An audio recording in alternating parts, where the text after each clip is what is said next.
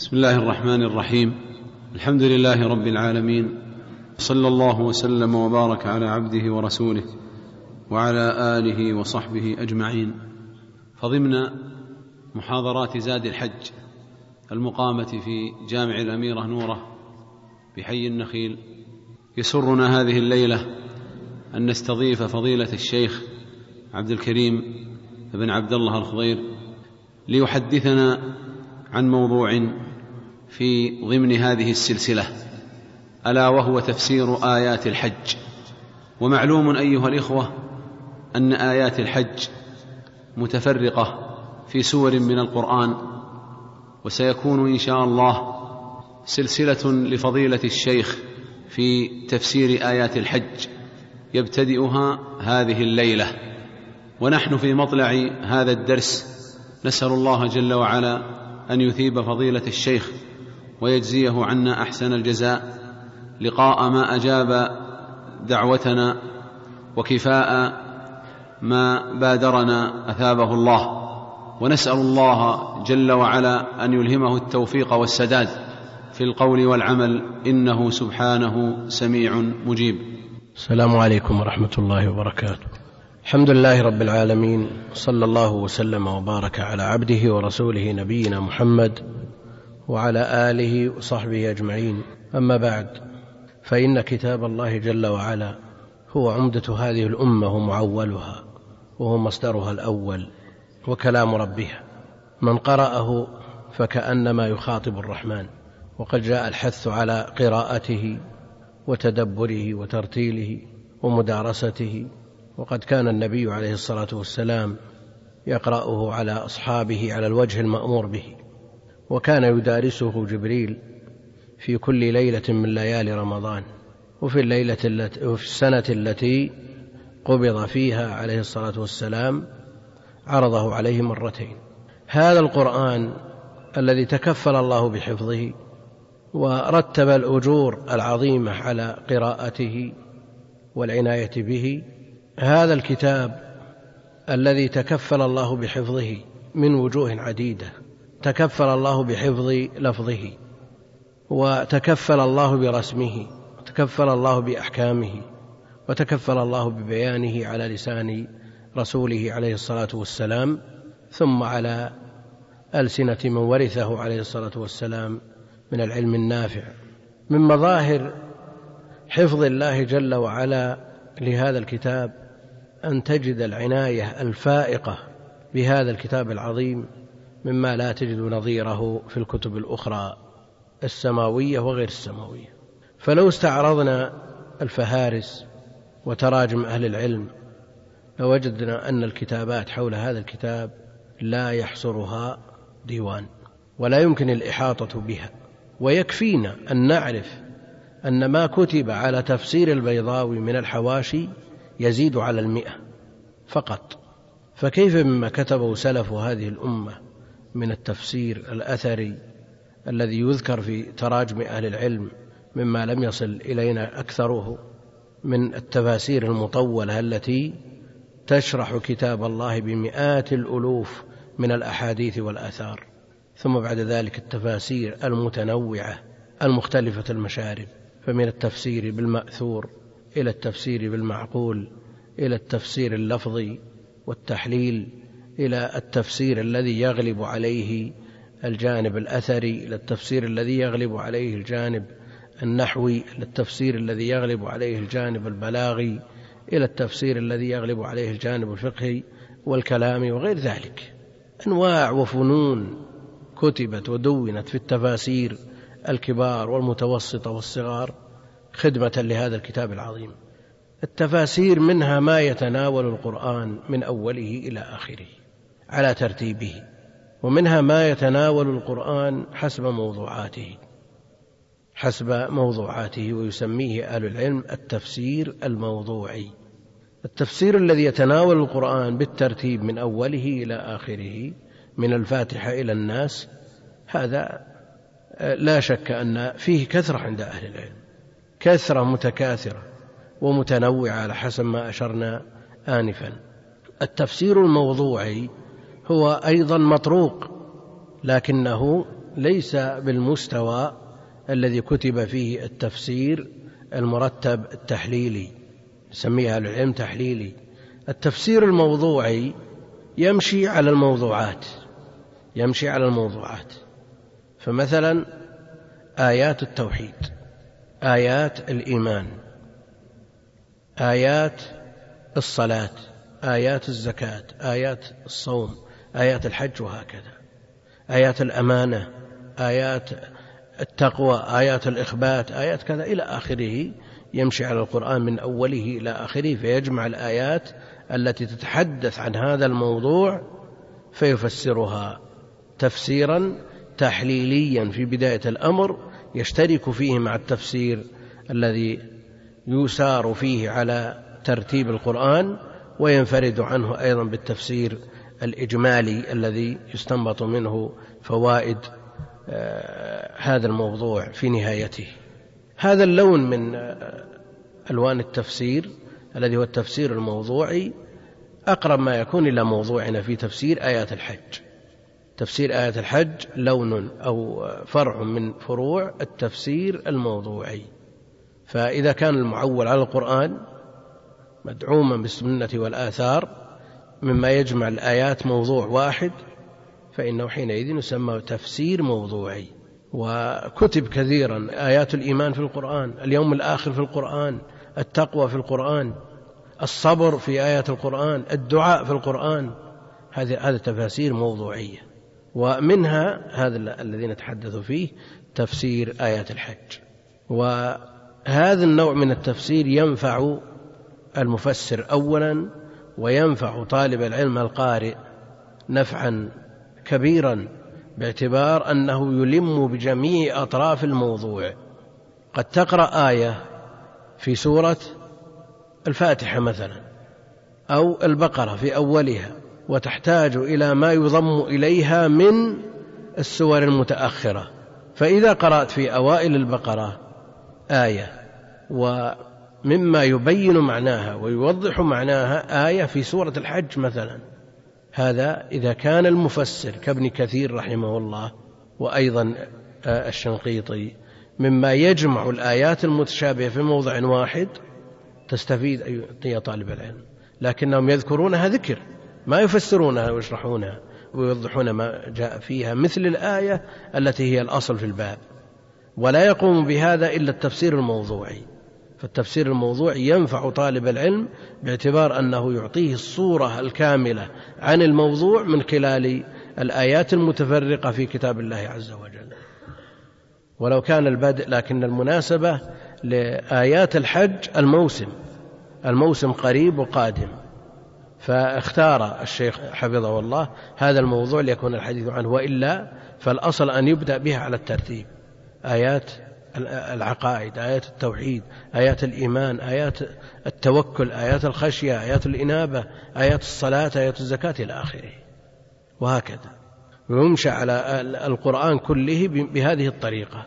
بطريقة نافعة مثل ما ذكرنا أن الطالب يخرج بتصور تام عن الموضوع من خلال القرآن الكريم.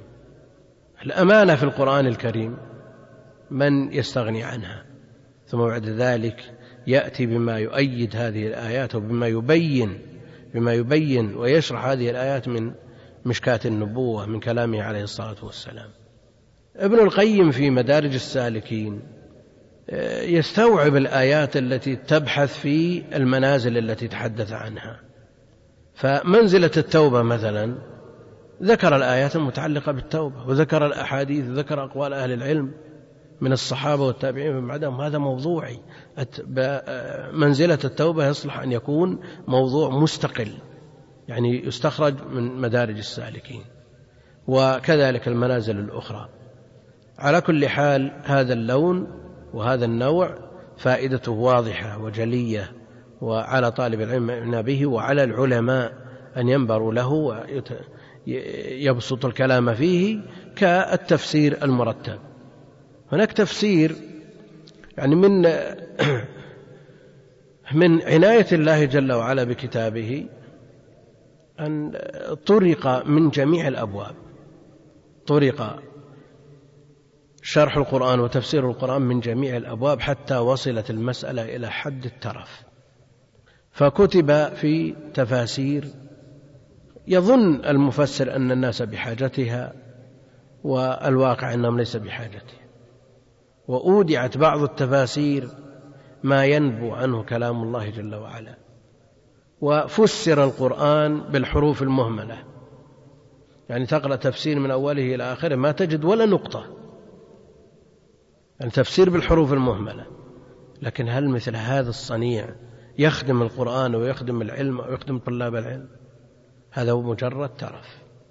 يعني إذا قبل من الحريري في مقاماته مقامه مثلا بحرف الشين بحرف السين بحرف كذا يقبل لأن المسألة مسألة فضول من أصلها إلا أن الحاجة داعية إليها من حيث الإحاطة بمفردات غريب اللغة. حاجة داعية إلى المقامات لكن ليست الحاجة إليها مثل الحاجة إلى كلام الله جل وعلا. فالترف العلمي الموجود آه، وصل ببعضهم إلى أن يفسر القرآن بالحروف المهملة. ولا شك أن مثل هذا لا يحتاج إليه طلاب العلم. وأقحم بعض المفسرين في التفسير ما ليس منه. وما لا يليق بكلام الله جل وعلا أن يبين به ويوضح به. وعلى كل حال هي جهود. حتى وصل الأمر ببعضهم إلى أن فسر القرآن على غير ترتيبه. فسره على ترتيب النزول بادئا بسورة اقرأ. قبل الفاتحة وقبل البقرة وقبل ورتبه على حسب النزول. يعني ما الفائدة من تغيير الترتيب الذي أجمع عليه الصحابة رضوان الله عليهم وأودعه عثمان رضي الله عنه بين الدفتين واتفقوا عليه وصدروا عنه إلى أن يغير الترتيب من أجل الترتيب الزمني التاريخي لنزول الآيات والسور. يعني هل نحتاج إلى مثل هذا الترتيب لنعرف الناسخ من المنسوخ؟ وهل توقف معرفة الناسخ والمنسوخ على مثل هذا الترتيب؟ العلماء يعرفون الناسخ والمنسوخ بدون هذا الترتيب. وهذه مخالفة لما أجمع عليه الصحابة. وفاعلها لا شك أنه مخطئ ولا وجه لفعله البتة. ومع ذلك يوجد في في المكتبات تفسيران على هذه الكيفية. تفسير الحديث والتفسير البياني للقرآن موجودة المقصود أن مثل الإخلال بترتيب القرآن الذي أجمع عليه الصحابة لا شك أنه خطأ. خطأ لمخالفته الإجماع. ولا شك أن هذا يقصد منه صاحبه أنه نوع من التجديد. وإن كان هذا هو الهدف والمقصد وهذه فلا شك أن هذه حقيقة مرة. لا يغير ترتيب كلام الله جل وعلا من أجل هذه الحقيقة. وإن كان القصد من ذلك معرفة المتقدم من المتأخر ليعرف الناسخ والمنسوخ فالناسخ والمنسوخ معروف عند أهل العلم ولا يحتاج إلى مثل هذا وألفت فيه المؤلفات الخاصة. تفسير آيات الحج لا شك أنها تحتاج إلى وقت طويل وكل آية منها تحتاج إلى أكثر من درس. لأن هذه الآيات بالإمكان أن يؤلف فيها منسك متكامل. منسك متكامل بأكثر من مجلد. لأن الآيات اشتملت على كثير من أحكام المناسك مع ما يبينها من كلام النبي عليه الصلاة والسلام. فنأخذ ما نأخذه من هذه الآيات ولو قدر أننا نستطيع إكمال آيتين فقط فيكون إنجاز لأن المسألة تحتاج إلى دروس متتابعة.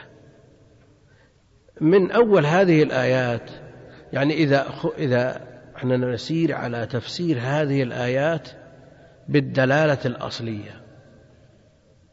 بالدلالة الأصلية. يعني فيها دليل واضح على منسك من مناسك الحج وعلى مسألة من مسائل الحج. لا بالدلالة التبعية وإلا فهذا يلزمنا أن نبدأ بالبسملة. يعني لو جرينا على الدلالة التبعية ودلالات النصوص لا شك أنها تنقسم إلى أصلية يعني مقصود الاستدلال بها لهذه المسألة ودلالات تبعية ليست مقصودة. لهذه المسألة بالأصالة لكن يستنبط منها ما يستنبط مما يدل على المسألة. فلو وسعنا الدائرة لنأخذ الدلالات التبعية ما انتهينا أبدا. نحتاج إلى تفسير كامل. نحتاج إلى تفسير كامل. يعني لو مثلا من قوله عليه الصلاة والسلام لعائشة افعلي ما يفعل الحاج غير أن لا تطوفي بالبيت. قلنا في الحديث دلالة على أن الحائض تقرأ القرآن. هل هذه دلالة أصلية وتبعية تبعية؟ بلا شك. لأن هذه لا تخطر على السامع من أول وهلة. لكن بعمومها قد يستدل من يستدل بهذا لكن هل نقول افعلي ما يفعل الحاج؟ هل نستطيع أن نقول أن الحاج ينام فيسن للحاج النوم من هذا الحديث؟ الحاج يأكل فيسن للحاج أن يأكل استنباطا من هذا الحديث؟ دلالات بعيدة كل البعد. ولذا كثير من أهل العلم يرى عدم الاستدلال بالدلالات التبعية والاقتصار على الدلالات الأصلية. فمثل هذا لا نحتاجه لبعده. وإذا استعملنا الآيات بهذه الطريقة معنا ما ننتهي. ونحتاج في آيات الحج إلى أن نستعرض القرآن كله.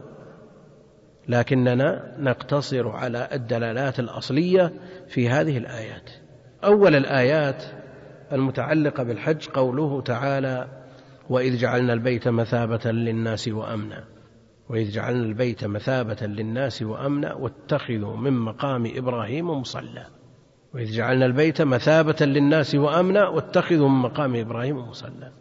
يعني دلالته على ما نحن فيه.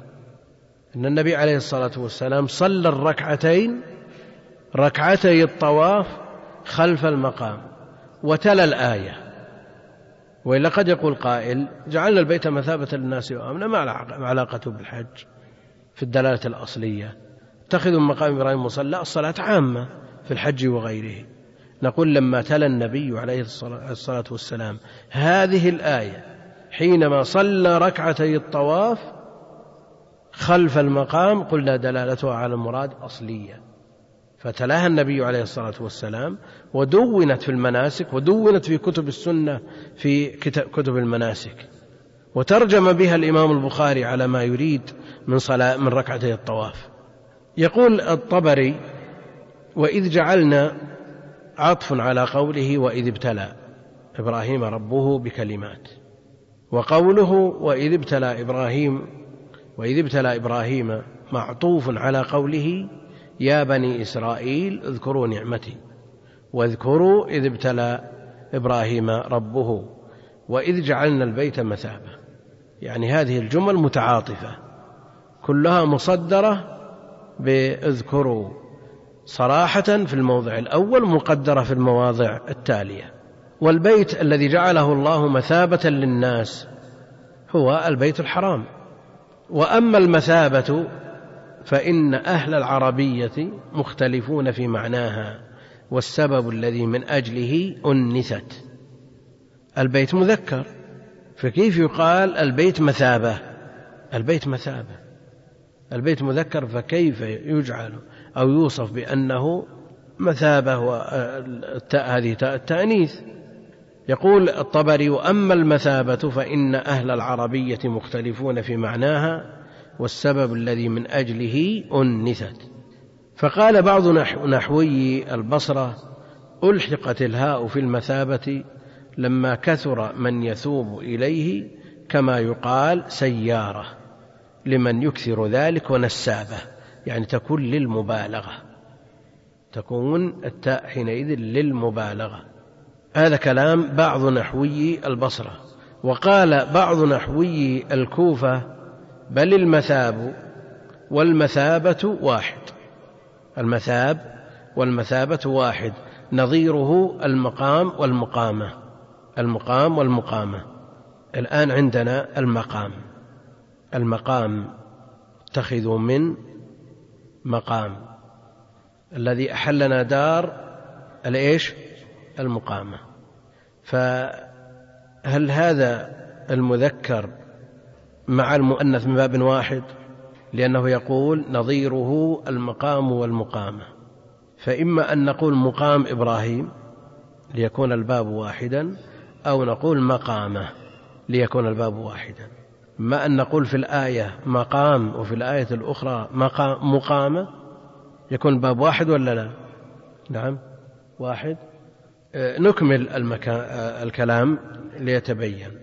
يقول والمقام ذكر على قوله يعني قول القائل من بعض نحوي الكوفة.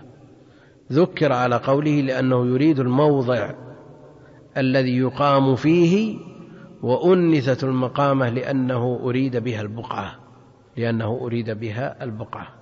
يعني إذا مررت ببلد مثلا أي بلد من البلدان فإما أن تذكره أو تؤنثه. تذكره أو تؤنثه تذكره على إرادة الموضع والمكان.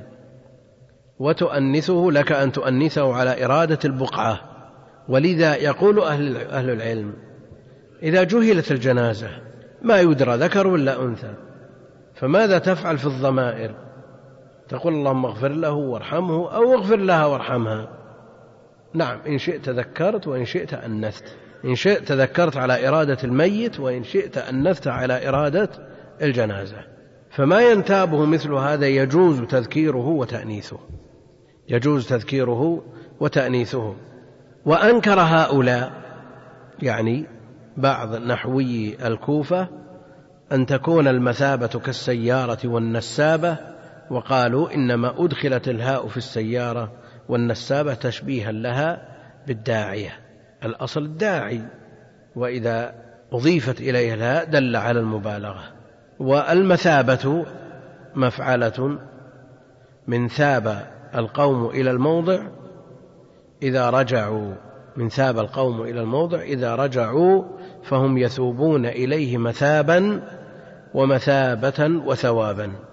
فمعنى قوله وإذ جعلنا البيت مثابة للناس أي مرجعا ثاب القوم إلى الموضع إذا رجعوا. وإذ جعلنا البيت مثابة للناس أي مرجعا للناس يأتونه. يقول الفقهاء في اللبن المحرم الذي ينشر الحرمة في الرضاع هو ما ثاب عن حمل ثاب عن حمل يعني رجع أو اجتمع أو تكون لأن المثابة هنا المرجع. جعلنا البيت مثابة أي مرجعا للناس يأتونه كل عام ويرجعون إليه فلا يقضون منه وطرا. فلا يقضون منه وطرا. وأمنا قال أبو جعفر الأمن مصدر من قول القائل أمن يأمن أمنا. وإنما سماه الله أمنا لأنه كان في الجاهلية معاذا لمن استعاذ به. معاذا لمن استعاذ به؟ هكذا يقول الطبري.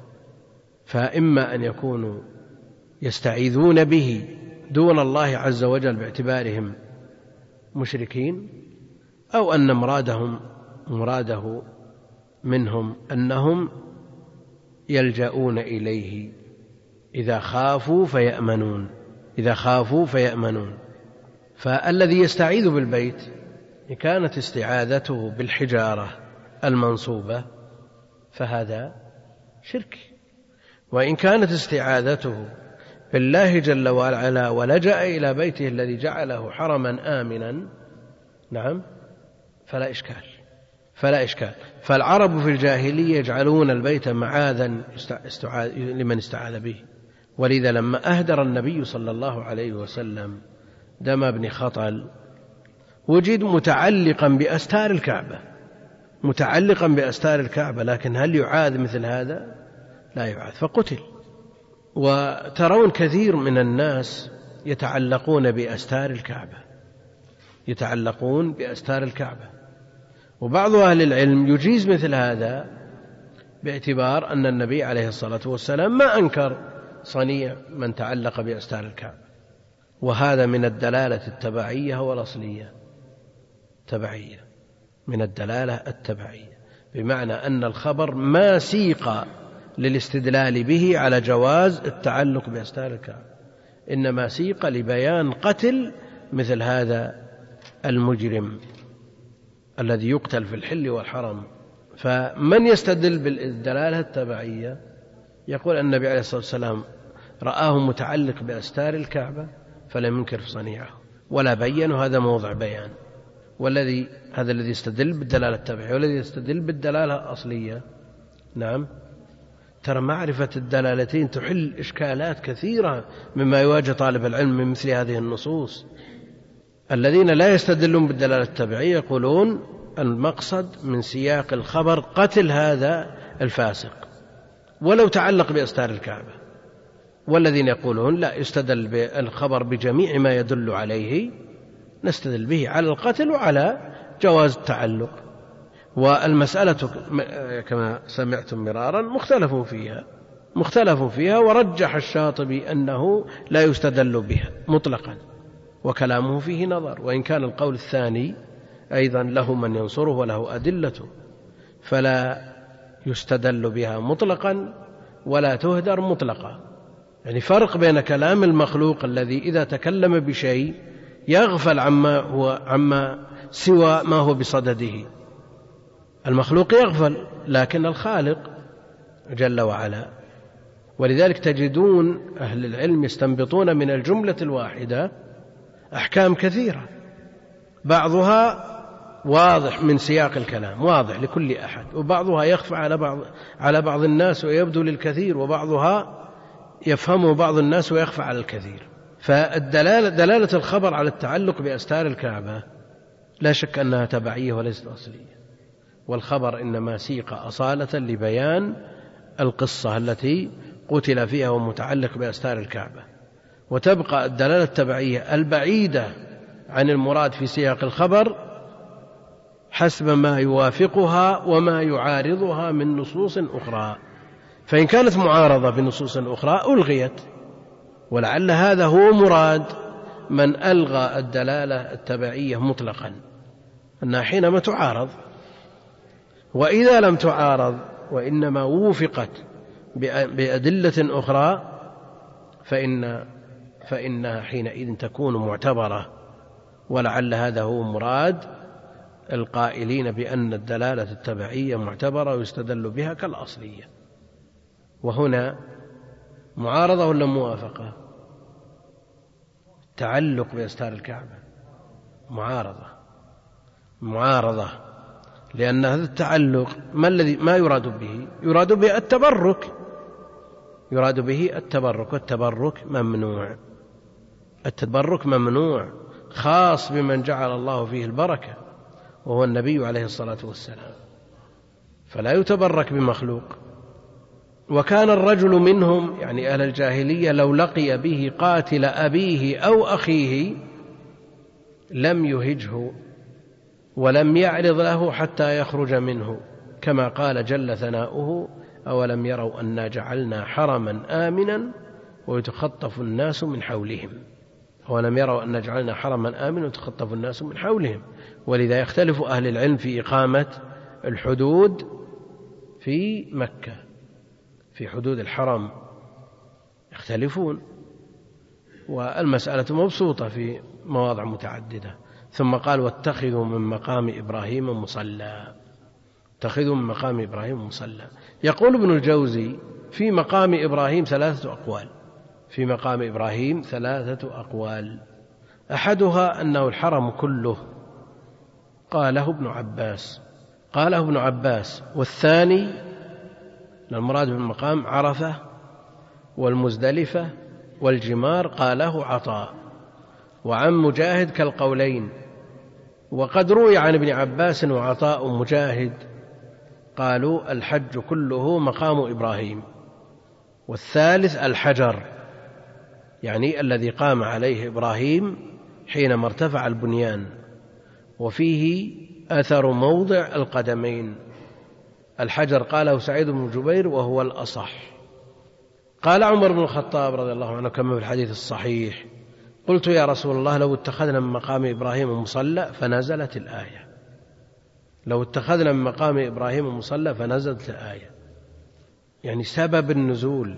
لا شك أن دخوله في النص عند أهل العلم قطعي. يعني الحجر مراد ودخوله في الآية قطعي الحجر الذي فيه أثر القدمين المجاور للكعبة. دخول قطعي لكن الحجر بالمعاني الأخرى التي ثبتت عن الصحابة والتابعين والسياق لا يأباها بل العموم يتناولها لا شك أنها مرادة بالعموم والتنصيص على بعض أفراد العام لا يقتضي التخصيص. فكل مواضع الحج ومقامات الحج من مقام إبراهيم. وإن كان المراد به في هذه الآية المراد به في هذه الآية الحجر المجاور للكعبة والذي فيه أثر القدمين. المقام هل يراد به الحجر نفسه أو موضع القيام؟ هل يراد به الحجر نفسه بحيث نتبعه حيث ما وضع أو المراد به الموضع الذي فيه المقام؟ لأن اللفظ يحتمل الأمرين. يعني لو اقتضى النظر واجتهاد أهل العلم أن المقام الآن في المطاف مسبب للزحام واقتضى الاجتهاد أن يدفع إلى الأروقة داخل ليوسع المطاف. نصلي في مكانه أو نتبع الحجر نصلي هناك. ومسألة نقل المقام عن, مقام عن مكانه مسألة خلافية بين أهل العلم. كتب فيها الشيخ عبد الرحمن المعلمي مقام إبراهيم. هل يجوز تقديمه أو تأخيره؟ وذكر أقوال العلم في ذلك ورد عليه الشيخ سليمان بن حمدان في كتاب له أسماه نقض المباني من فتوى اليماني. ورد عليه الشيخ محمد بن إبراهيم رد على الشيخ سليمان. المقصود أن المسألة محل خلاف بين أهل العلم. هناك رسالة اسمها مقام إبراهيم قد يراها طالب العلم ويشتريها على أنها في الموضوع ومطبوعة طباعة فاخرة ويقول أنه يستفيد. هذه لا فائدة فيها. هذه النشاشيبي هي عبارة عن مقامة. ألقاها في حفل تأبين إبراهيم هنانو. هذا عضو مجمع اللغة العربية بدمشق. مات وسووا له حفل تأبين فألقيت هذه الكلمة وسماها مقام إبراهيم. وبين كل جملتين أو ثلاث سلام على إبراهيم. نسأل الله العافية. فطالب العلم قد يشتري هذه الرسالة يظنها تبحث فيما نحن فيه وليس وليست فيما نحن فيه لا من قريب ولا من بعيد. الآن نرجع إلى مسألتنا وهي أن المقام الذي أمرنا باتخاذه مصلى هل المراد به الحجر نفسه؟ بحيث نتبعه حيث ما وضع أو المراد به المكان المكان بحيث لو أبعد عن مكانه الحالي لو أبعد عن مكانه الحالي نصلي في المكان نفسه. نظير ذلك الحجر. لما أخذه القرامطة ومكث عندهم سبع عشرة سنة نكبر حينما نحاذي المكان. ولا علاقة لنا بالحجر الذي أودع أو ذهب به إلى البحرين. فهل نقول مثل هذا الكلام؟ يعني لو اقتضى النظر واجتهاد أهل العلم أن يبعد المقام عن المطاف لتخفيف الزحام الذي يسببه وجود المقام. نتبع الحجر أو نفس المكان. واللفظ يحتمل الأمرين. المقام يحتمل أن يكون الحجر ويحتمل أن يكون المكان الذي تم فيه القيام. نعم. المكان. وهل المكان الذي هو فيه الآن هو نفس المكان الموجود فيه على عهد النبي عليه الصلاة والسلام؟ نعم. أبعده نعم. فمقتضى هذا أننا نصلي بين المكان الحالي للمقام وبين الكعبة إذا قلنا العبرة بالمكان. وإذا قلنا العبرة بالحجر تبعناه ولو أدخل في الأروقة. واللفظ محتمل. وماذا عند الشيخ؟ نستفيد. نستفيد. نحتاج إلى من يعاوننا. لأن مسألة مسألة مقام يعني آه، دخلها في اللغة كبير يعني. والله حنا على منهج الشيخ ابن عثيمين رحمه الله قال في شرح الممتع أنا متوقف في المسألة. ليش؟ لأن اللفظ يحتمل الأمرين. اللفظ يحتمل الأمرين. فكما يطلق على الحجر يطلق أيضا على آه، المكان. وما دام توقف الشيخ توقف أيضا. واتخذوا من مقام إبراهيم مصلى. قال ابن الجوزي وذكر الأقوال الثلاثة في روائع التفسير روائع التفسير الجامع لتفسير ابن رجب رحمه الله. وإذا وجد لهذا الإمام كلام في أي مسألة علمية على طالب العلم أن يعض عليه بالنواجذ. لأن ابن رجب يكتب العلم بنفس السلف بنفس السلف رحمه الله. قوله تعالى واتخذوا من مقام إبراهيم مصلى قال البخاري باب قول الله عز وجل واتخذوا من مقام إبراهيم مصلى حديث عمر في سبب نزول هذه الآية خرجه البخاري فيما بعد وهو من موافقاته رضي الله عنه وأرضاه. قال لو اتخذنا من مقام إبراهيم مصلى فنزلت الآية. قال البخاري حدثنا الحميدي قال حدثنا سفيان قال حدثنا عمرو بن دينار قال سألنا ابن عمر عن رجل طاف بالبيت العمرة ولم يطف بين الصفا والمروة أيأتي امرأته؟ فقال قدم رسول قدم النبي صلى الله عليه وسلم فطاف بالبيت سبعا وصلى خلف المقام ركعتين وطاف بين الصفا والمروة. وقد كان لكم في رسول الله أسوة حسنة. والشاهد أن النبي عليه الصلاة والسلام صلى خلف المقام ركعتين. وسألنا جابر بن عبد الله فقال لا يقربنها حتى يطوف بين الصفا والمروة. قد روي وقد روى جابر أن النبي عليه الصلاة والسلام تلا هذه الآية يعني في حديث جابر الطويل في صفة حج النبي عليه الصلاة والسلام المخرج في مسلم وغيره النبي عليه الصلاة والسلام تلا هذه الآية عند صلاته خلف المقام واتخذوا من مقام إبراهيم مصلى وإلا فالأصل العموم. اتخذوا من مقام إبراهيم مصلى في ركعتي الطواف وفي غيرها من الصلوات. يعني اللفظ عام. يعني اللفظ عام. وقصره على سببه عند أهل العلم. معمول به ولا غير معمول به؟ يطبقون على أن العبرة بعموم اللفظ لا بخصوص السبب. فهل يشرع كل صلاة خلف المقام أو صلاة الركعتين فقط؟ صلى بعد الطواف. وعمر قال لو اتخذنا من مقام إبراهيم مصلى هل هو في الحج أو في العمرة أو مطلقا؟ فنزلت الآية. النبي عليه الصلاة والسلام صلى الركعتين وتلا الآية فدل على أن هناك اقتران بين هاتين الركعتين ركعتي الطواف والمقام لكن هذا لا ينفي أن يصلى خلفه غير هذه الصلاة لعموم الآية. يقول ابن رجب رحمه الله وهذا كله يدل على أن المراد بمقام إبراهيم في الآية مقامه المسمى بذلك. مقامه المسمى بذلك عند البيت وهو الحجر الذي كان فيه أثر قدمه عليه السلام وهذا قول كثير من المفسرين. وقال كثير منهم المراد بمقام إبراهيم الحج كله الحج كله. وقال بعضهم الحرم كله الحرم كله.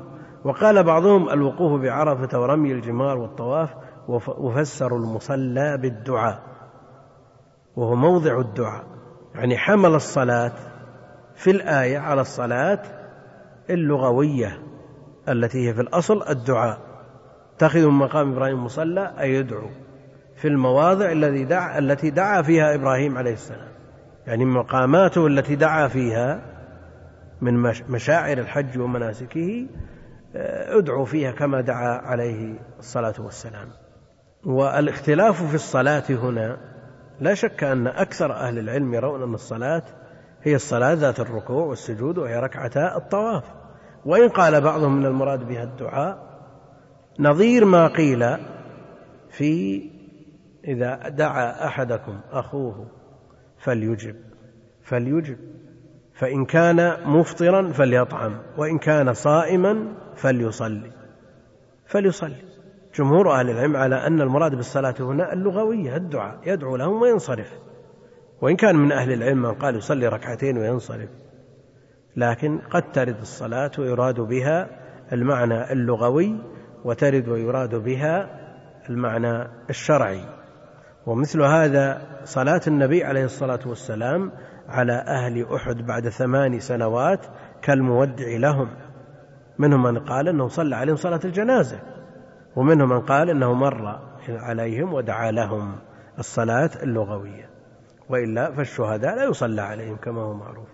وقد يجمع بين القولين يقول ابن رجب وقد يجمع بين القولين بأن يقال الصلاة خلف المقام المعروف داخل فيما أمر به داخل فيما أمر به من الاقتداء بإبراهيم عليه السلام في مما في أفعاله في مناسك الحج كلها.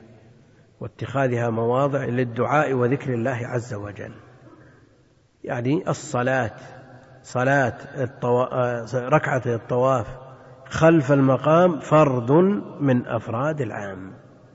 يعني والتنصيص عليه لا يقتضي التخصيص. فالآية عامة تحتمل أشياء كثيرة مما ذكره أهل العلم. آه، لا تقصر على سببها من نزول هذه الآية من في آه، استجابة لقول عمر لو اتخذنا من مقام إبراهيم مصلى وإنما تشمل ما يحتمله اللفظ. قالت عائشة وقد روي مرفوعا إنما جعل الطواف بالبيت والسعي بين الصفا والمروة ورمي الجمار لإقامة ذكر الله. لإقامة ذكر الله خرجه أبو داود الترمذي. والأمر في الآية والأمر في الآية باتخاذ المقام مصلى كما قال ابن المنذر يحتمل أن تكون صلاة الركعتين يحتمل أن تكون صلاة الركعتين خلف المقام فرضا.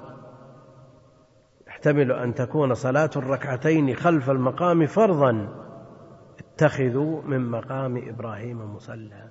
لكن هل الأمر الذي بني عليه هذا الاحتمال هو أمر بالصلاة أو أمر بالاتخاذ؟ لمن أراد أن يصلي؟ الأمر اتخذ.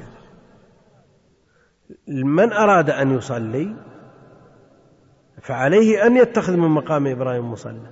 وهل الأمر بالاتخاذ أمر بالصلاة؟ ليقول ابن المنذر تحتمل أن تكون صلاة الركعتين خلف المقام فرضا؟ لكن أجمع أهل العلم على أن الطائفة تجزئه ركعتا الطواف حيث شاء إلا شيئا ذكر عن مالك في أن من صلى ركعتي الطواف الواجب في الحجر يعيد. انتهى كلامه. الأمر باتخاذ مقام إبراهيم مصلى. كلام ابن المنذر يقول يحتمل أن تكون صلاة الركعتين خلف المقام فرضا.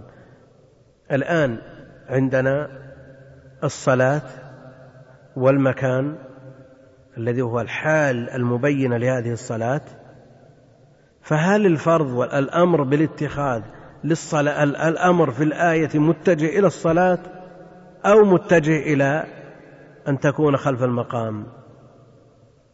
اتخذوا من مقام إبراهيم مصلى. هل معنى هذا صلوا؟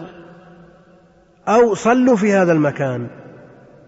يعني في قول يوسف عليه السلام توفني مسلما. هل المقصود الوفاة؟ الطلب للوفاة أو الوفاة على الإسلام.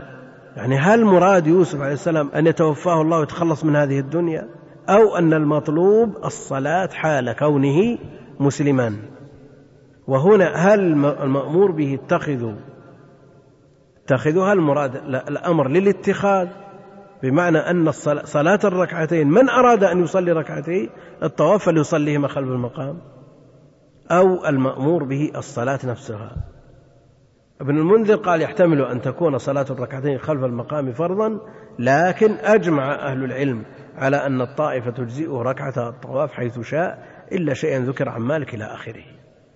يعني إجماع أهل العلم يدل على نعم خلاف ما ذكره ابن المنذر في صدر كلامه وأنها ليست بفرض. لا الصلاة ولا المكان ولا المكان. وترجم البخاري رحمه الله باب من صلى ركعتي الطواف خارجا من المسجد. باب من صلى ركعتي الطواف خارجا من المسجد وصلى عمر رضي الله عنه خارجا من الحرم خارجا من الحرم. فعمر رضي الله تعالى عنه لما طاف بالبيت بعد صلاة الصبح صلى الركعتين بذي طوى لما ارتفعت الشمس. فهذا العمل من عمر رضي الله تعالى عنه يستفاد منه أن الأمر في الآية لا على سبيل الوجوب. الأمر باتخاذ المقام أو من المقام مصلى أنه لا على سبيل الوجوب. وإلا لو كان واجبا لانتظر عمر إلى أن ترتفع الشمس وصلى خلفه ركعتين. هذا من جهة.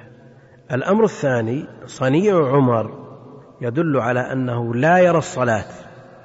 ولو كانت ذا سبب في أوقات النهي.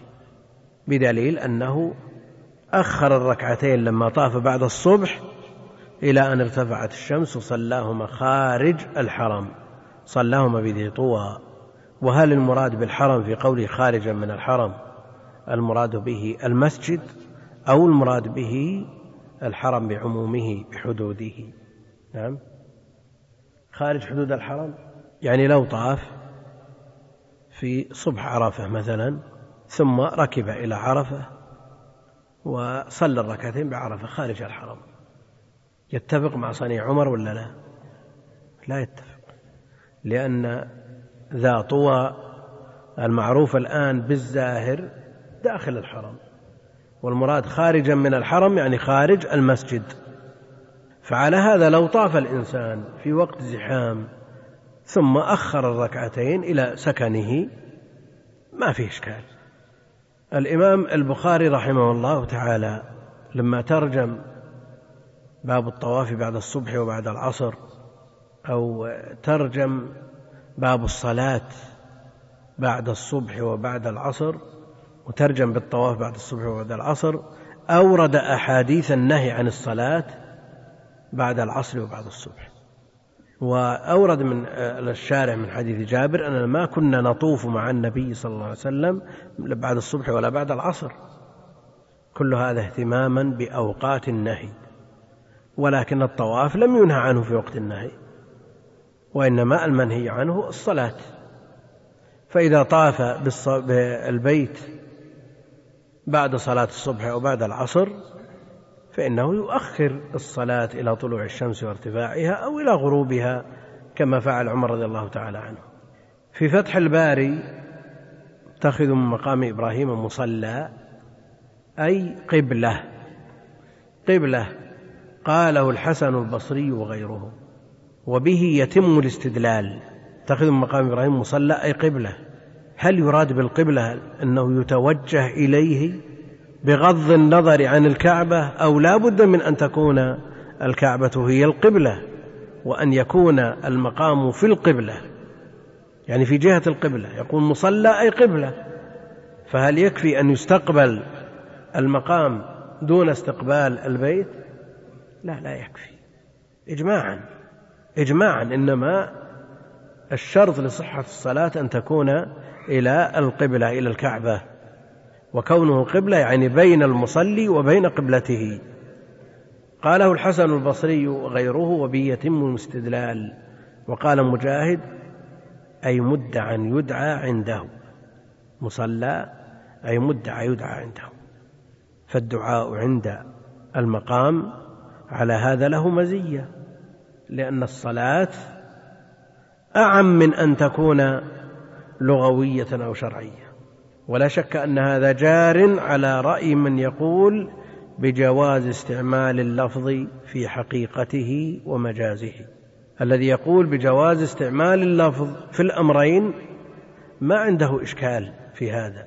يقول نتخذ مصلى نصلي خلف خلفه الركعتين وندعو خلفه لأن الصلاة أشمل من أن تكون لغوية أو شرعية. وهذا جار على من قول من يرى جواز استعمال اللفظ في معنييه الحقيقي والمجازي اللغوي والاصطلاحي. يعني في أكثر من حقيقة يستعمل.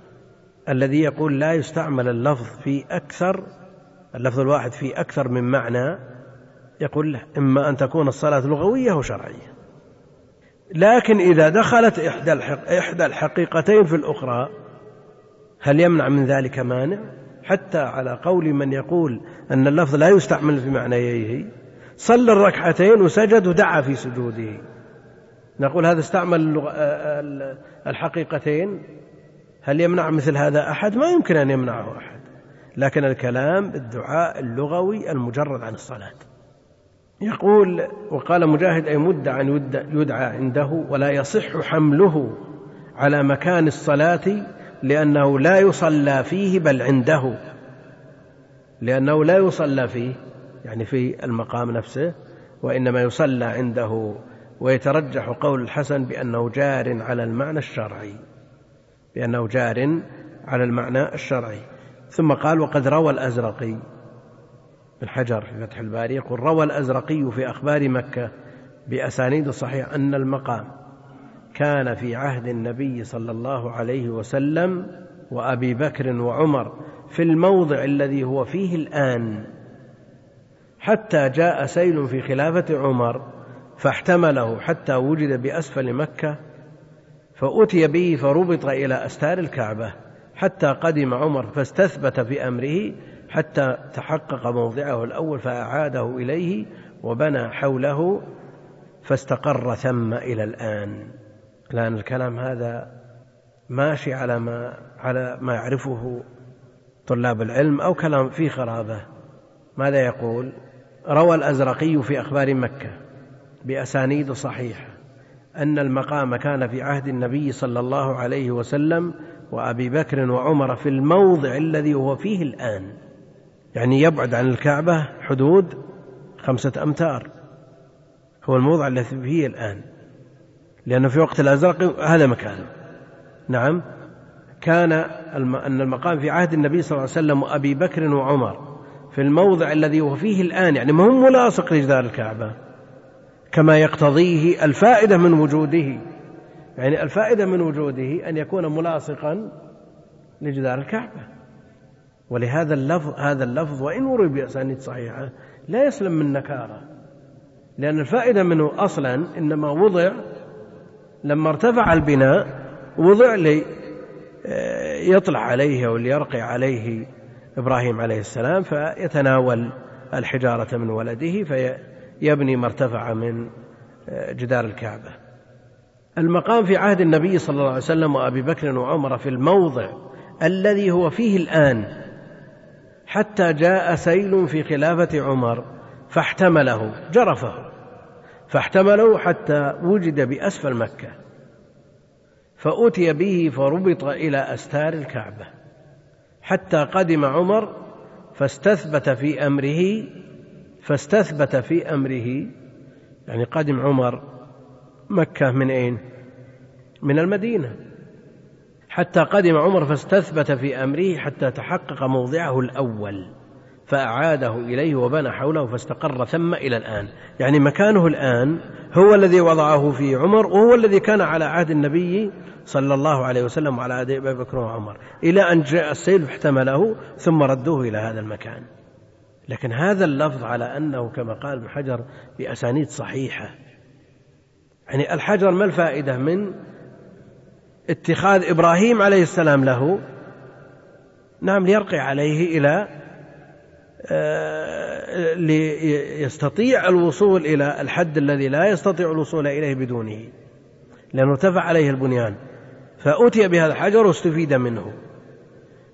كونه بعيد بهذه المنزلة خمسة أمتار تقريبا يستفاد منه لبناء جدار الكعبة. نعم. ما يستفاد منه. ما يستفاد منه. وإن كان يستفاد منه ولو قلنا أن أن طول إبراهيم عليه السلام مناسب لمثل هذا البعد نعم لقلنا إن قربه من الجدار أيسر له من البعد مع وجود هذا الحجر. ولا شك أن اللفظ منكر. يعني الحجر المعروف عند أهل العلم أنه كان ملاصق للكعبة. فرأى عمر رضي الله عنه أنه في آه، المطاف يسبب إشكال بالنسبة للطائفين وزحام فأبعده عن المطاف إلى قدر بحيث ينفس للناس على أن وجوده في هذا المكان أو وجوده في مكانه الأصلي في أيامنا هذه مع كثرة الناس لا فرق. ومسألة تقديم المقام وتأخيره عن مكانه مسألة خلافية ذكرناها أو أشرنا إليها فيما تقدم. تفضل أثابكم الله وجزاكم خيرا. عندي أسئلة كثيرة وهي أسئلة طلبة علم. ثلاثة أسئلة. يقول لو تكرمتم يا فضيلة الشيخ أن تذكروا لنا كتابا في التفسير الموضوعي نستفيد منه ويقدم على غيره من التفسيرات من الكتب في هذا الباب. التفسير الموضوعي لا يوجد تفسير شامل لجميع موضوعات القرآن. تفسير شامل لجميع الموضوعات لا يوجد بهذه الصورة. لا أعرف كتابا ألف موضوعيا للموضوعات بالتفسير. أما الموضوعات أنفسها فقد صنفت الآيات حسب الموضوعات تفصيل موضوعات القرآن والترتيب والبيان لموضوعات القرآن. كتب كثيرة ألفت في هذا فالمادة جاهزة الترتيب موجود. وأكثر من كتاب بهذه الطريقة تجمع فيه الآيات المتناسقة التي يشملها موضوع واحد على حدة. ثم بعد ذلك يقوم المفسر بتفسير هذه الآيات موضوعا موضوعا. أما كتاب واحد يشمل جميع موضوعات القرآن مرتب على هذه الكيفية ما أعرف كتاب بهذه الطريقة. ويقول السائل هل هنالك كتاب في تفسير آيات الحج في القرآن؟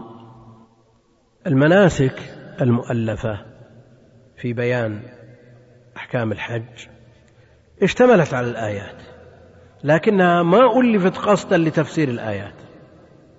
يعني جاء شرحها شرح هذه الآيات بالأحاديث. جاء بيانها بالأحاديث من السنة النبوية وجاء بيانها بأقوال أهل العلم لا على جهة الاستقلال باعتبار أن الكتاب يفسر آيات الحج فقط. التفسير موجود في التفاسير لكنها تحتاج إلى استخراج. وقد قام بعض طلاب العلم باستخراج آيات الحج من أضواء البيان. من أضواء مناسك الحج من أضواء البيان. يعني تفسير الشيخ الشنقيطي رحمه الله جردت منه آيات الحج ويصلح أن يكون تفسيرا موضوعيا لهذه الآيات. أحسن الله إليكم. ماذا تقولون في كتاب روائع البيان في تفسير آيات الأحكام؟ الصابوني الظاهر نعم. نعم. إيه؟ لأن في أكثر من كتاب باسم روائع البيان. هو الذي يظهر أنه كتاب الصابوني لأنه هو الذي في تفسير آية الأحكام. أما روائع آه، البيان الذي ذكرناه قريبا في تفسير ابن رجب الذي جمعه الشيخ طارق عوض الله من مصنفات الإمام الحافظ ابن رجب. وكذلك أيضا هناك روائع آه، البيان في تفسير ابن القيم. هذا اسمه؟ بدائع التفسير بدائع. طيب. إن كان المقصود روائع البيان في تفسير آيات الأحكام للصابوني فهو كتاب جيد في بابه. جيد وليس الأجود في بابه. يعني جمع آيات الأحكام وتكلم عليها آية آية بكلام مختصر ومرتب ومنظم ومرقم. لكن لا يعني هذا أنه يغني عن كتب تفسير آيات الأحكام. لا. يعني يستفيد منه مثقف مثلا على أنه في ترجيحاته بين أقوال أهل العلم قد يخالف. وكتب آيات تفسير آيات الأحكام لأهل العلم المتقدمين موجودة ولله الحمد فمنها تفسير آيات الأحكام أو أحكام القرآن لابن العربي مثلا تفسير آيات آه، أحكام القرآن للجصاص أحكام القرآن الإلكي الطبري الهراسي الأول مالكي والثاني حنفي والثالث شافعي الجامع لأحكام القرآن للقرطبي. هذا بحر محيط فيه جميع أحكام القرآن يعني مما آه، دونه هذا الإمام. يبقى تفسير آيات الأحكام من وجهة نظر الحنابلة. نعم لهم كتب في هذا الباب لكنها ما طبعت. وجردت أحكام القرآن من خلال المغني في رسائل علمية. وذكرنا في محاضرة اسمها المنهجية في قراءة الكتب. ذكرت أن أن من وسائل التحصيل أن يأتي لمثل هذا الموضوع أحكام القرآن. فيحضر عنده أحكام القرآن لابن العربي والجصاص والطبري في المذاهب الثلاثة. ثم بعد ذلك يعلق على هذه الكتب مذهب الحنابلة من خلال كتاب معتبر عندهم. وهذا لا يكلف كثير ما يكلف كثير. أنت مجرد ما تنقل قول أحمد أو روايات المذهب إلى أحكام القرآن لابن العربي يكون عندك كتاب في أحكام القرآن للحنابلة. يعني نظير ما عمل آه، الشاه ولي الله الدهلوي في المسوى شرح الموطأ. المسوى شرح الموطأ أصله الموطأ الإمام مالك ويحمل فكر الإمام مالك وجهة نظر الإمام مالك. وهو مخلوط بموطأ محمد. موطأ محمد من وجهة نظر الحنفية. أضاف الشارح رأي الشافعية. فاكتملت المذاهب الثلاثة. ولو أن طالب علم عمد إلى هذا الكتاب وأضاف إليه القول الرابع قول الحنابلة نعم كمل الكتاب. وأول من يستفيد من هذا العمل الذي لا يكلف شيء كثير ترى ما يكلف طالب العلم ما يحتاج إلى عصر ذهن. هذا العمل أول من يستفيد منه هذا الطالب وعندي أن هذا من أعظم وسائل التحصيل. أحسنتم فيه. هذا يقول سائل فضيلة الشيخ قرأت في تفسير الشوكاني في قوله تعالى تلك عشرة كاملة قال الشوكاني رحمه الله كاملة توكيد آخر بعد الفذلكة لزيادة التوصية لصيامها فما معنى الفذلكة؟ من أحيل على مليء فليحتل. أجب. نستفيد. أجب أجب أجب. وبعد ذلك كان في زيادة ولا نقص؟ يعني أنا ما أخفيكم أني لا أحب أجلس إلى جوار الشيخ لا رغبة عنه علم الله ولكني أخشى من أن يحيل علي في شيء وأنا أجلس بين يديه جلوس الطالب المستفيد. مثل هذا التواضع لا يقبلونها الأخوان لأن المسألة لا الفذلكة يعني هي جمع العدد بعد توكيده أو توكيده بعد جمعه. وقد عرفها في لسان العرب تعريفا طيبا. وهي لفظة مولدة. فيرجع السائل إلى لسان العرب. يعني منحوتة من من أكثر من كلمة؟ يعني كأنها يقول مأخوذة من كذلك أو فذلك. فذلك نعم. فذلك. مثل البسملة والحمدلة أي نعم نعم. يقول السائل فضيلة الشيخ أشهد الله على محبتكم وكثير من الأسئلة صدرت بهذه الجملة الدعائية. يقول هل الأفضل صيام عشرة الأيام من ذي الحجة أو أنني أصوم بعضها فقد سمعت من بعض الطلاب أنه لا يجوز صيامها وأن صيامها بدعة. أولا ثبت في الصحيح أنه ما من أيام العمل الصالح خير وأحب إلى الله منه في هذه الأيام العشر. العمل الصالح. ومن الأعمال الصالحة بل من أفضلها الصيام. فقد جاء في الحديث الصحيح من صام يوما في سبيل الله باعد الله وجهه عن النار سبعين خريفا. فإذا ضممنا هذا إلى هذا فإننا تخرج لنا النتيجة أن الصيام في هذه الأيام من أفضل الأعمال من أفضل الأعمال. كونه عليه الصلاة والسلام كما في حديث عائشة لم يصم العشر أو ما صام العشر وقد ثبت عنه من حديث بعض أمهات المؤمنين وغيرها أنه صام العشر. أولا المثبت مقدم على النافي. الأمر الثاني أن هذا على حسب علمها. وقد يقول قائل أنه لا بد أن يمر يوم من أيامها في هذه العشر فتكون على علم واطلاع من حاله عليه الصلاة والسلام. لا شك أنها مطلع على حاله. وبعض الأيام التي لا يكون عندها لا تطلع عليه.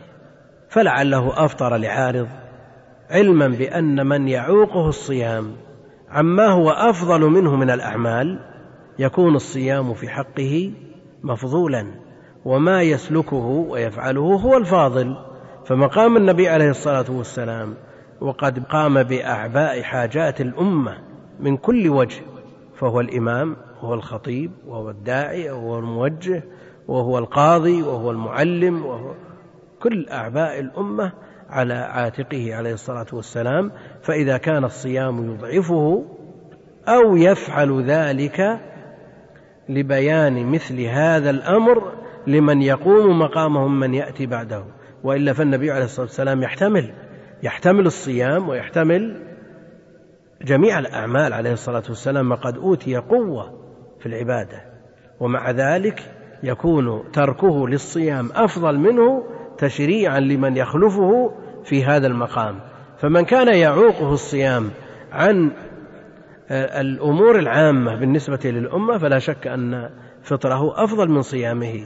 فلو افترضنا أن ولي الأمر مثلا يلي أعمال المسلمين كلها فإذا صام لزم من ذلك أن يجلس في بيته ولا يخرج للناس نقول لا يصوم.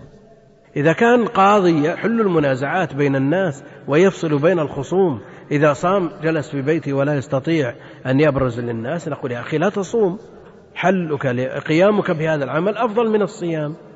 علما بأن الشيخ بن باز رحمة الله عليه يقول من قال إن صيام العشر بدعة فهو جاهل.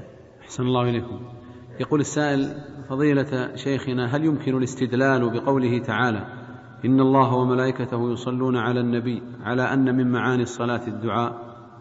الصلاة من الله جل وعلا الثناء عليه عند الملائكة ومن غيره من الملائكة والناس الدعاء كما جاء عن أبي العالية في صحيح البخاري.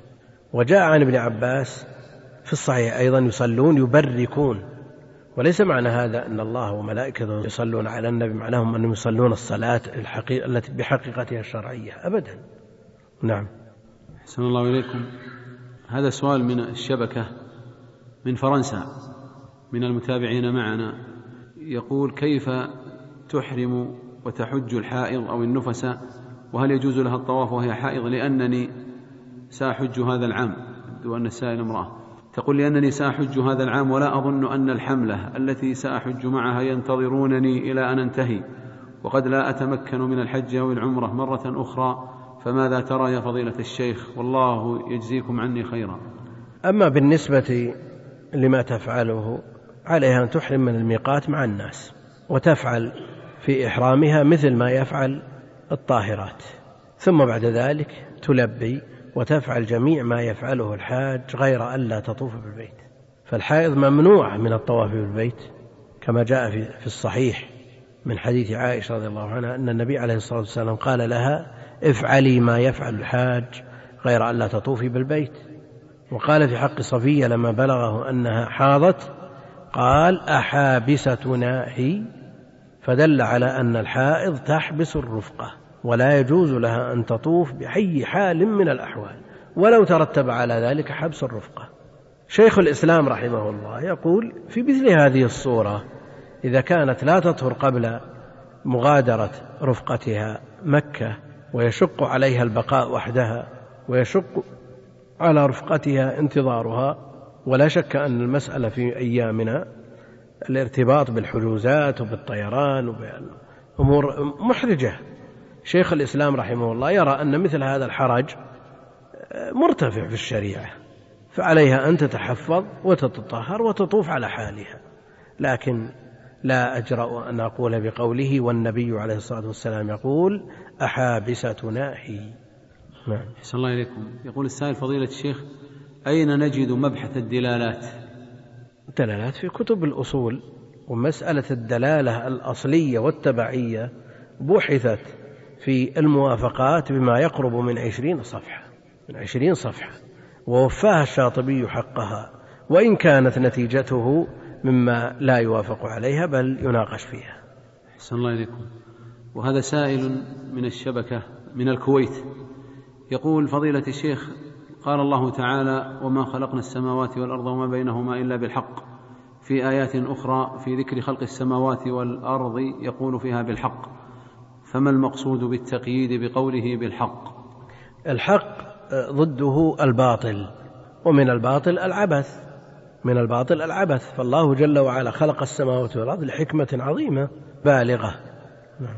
أحسن الله إليكم. يقول السائل فضيلة الشيخ النبي صلى الله عليه وسلم حين صلى ركعتين خلف المقام هل دعا؟ يعني بعد الصلاة يقصد. ما حفظ عنه عليه الصلاة والسلام أنه دعا لكن الدعاء في السجود مطلوب ومرغب فيه وبين السجدتين واجب عند جمع من أهل العلم. وعلى كل حال الصلاة مشتملة على الدعاء. والحقائق اللغوية مع الشرعية تلتقي. كما قرر شيخ الإسلام رحمه الله في كتاب الإيمان أن الحقيقة الشرعية تشتمل على اللغوية وزيادة فالصلاة مشتملة على الدعاء. أحسن الله إليكم. هذا السؤال نجعله الأخير من فرنسا. سائل يقول قال ابن حجر في النخبة رواية المبتدع يقول ابن حجر رواية المبتدع ثم البدعة إما بمكفر أو بمفسق فالأول إلى آخره.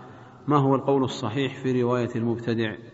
المبتدعة قسمهم الذهبي في مقدمة الميزان إلى أقسام تبعا لبدعهم.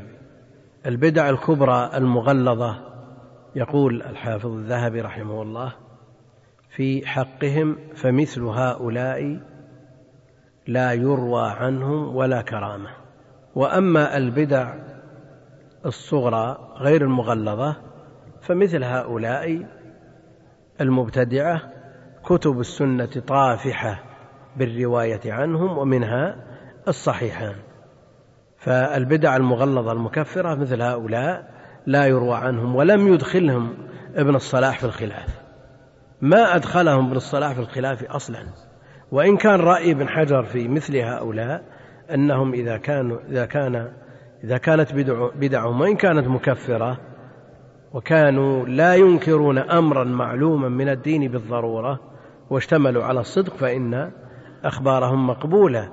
لأن بعض من بدعته مغلظة كالخوارج مثلا بل دعاتهم خرج لهم في الكتب. بل في صحيح البخاري رواية عمران بن حطان وهو خارجي بل من دعاتهم بل من دعاة الخوارج. وابن حجر في فتح الباري لما ذكر البخاري رحمه الله الحديث من طريق عمران بن حطان أورد مثل هذا الإشكال وقال أن بدعته مغلظة وداعية لأن جماهير أهل العلم يقبلون غير الداعية. فماذا عن الداعية مثل عمران بن حطان؟ قال ما المانع من قبول روايته وقد عرف بصدق اللهجة. وقد عرف بصدق اللهجة. ولا شك أن الخوارج آه، يرون الكذب كبيرة والكبيرة مكفرة فهم يجتنبونه من أصدق الطوائف المبتدعة كما قال ذلك شيخ الإسلام وغيره. يقول ابن حجر ما المانع من قبول روايته وقد عرف بصدق اللهجة؟ والعين يرد عليه بقوله وأي صدق في لهجة مادح قاتل علي؟ أي صدق في لهجة مادح قاتل علي لكن الإنسان الذي يتدين بشيء وينصر ما يراه الحق هو في حد ذاته صادق في نصره لما يراه الحق كونه أخطأ في رؤيته لهذا الأمر الحق أمر آخر فالصدق موجود لأنه ينصر ما يراه الحق. وشيخ الإسلام لما سئل عن الرازي وقال إن كثير من الناس يقع في قصده ولا شك أن من يقرأ كلامه في تفسيره يوجز خيفة من كلامه. لا سيما وقد سمى كتاب التوحيد كتاب الشرك ورمى إمام الأئمة بن خزيمة بأعظم القبائح. لا شك أن القارئ يجد في نفسه شيء على هذا وأن له غرض. شيخ الإسلام يقول بعض الناس يقع في قصده والذي أراه أنه ينصر ما يراه الحق. نعم عنده شبه وعنده مخالفات عقدية وعنده طوام يعني ليست الخلافات معنا معه يسيرة لا كبيرة. ومع ذلك يقول شيخ الإسلام ينظر ما ينصر ما يراه الحق. فالذي ينصر ما يراه الحق هو صادق بغض النظر عن كون الحق الذي يراه هو الحق الصحيح أو غيره. أحسن الله إليكم. هذا ما اتسع له الوقت مع مدنا له. ونسأل الله جل وعلا أن يثيب فضيلة الشيخ عبد الكريم بن عبد الله الخضير أحسن الثواب ويجزيه خيرا على هذه المحاضرة السديدة وعلى هذه الأجوبة الموفقة. ولنا ولكم جميعا إنه سبحانه جواد كريم صلى الله وسلم على عبده ورسوله.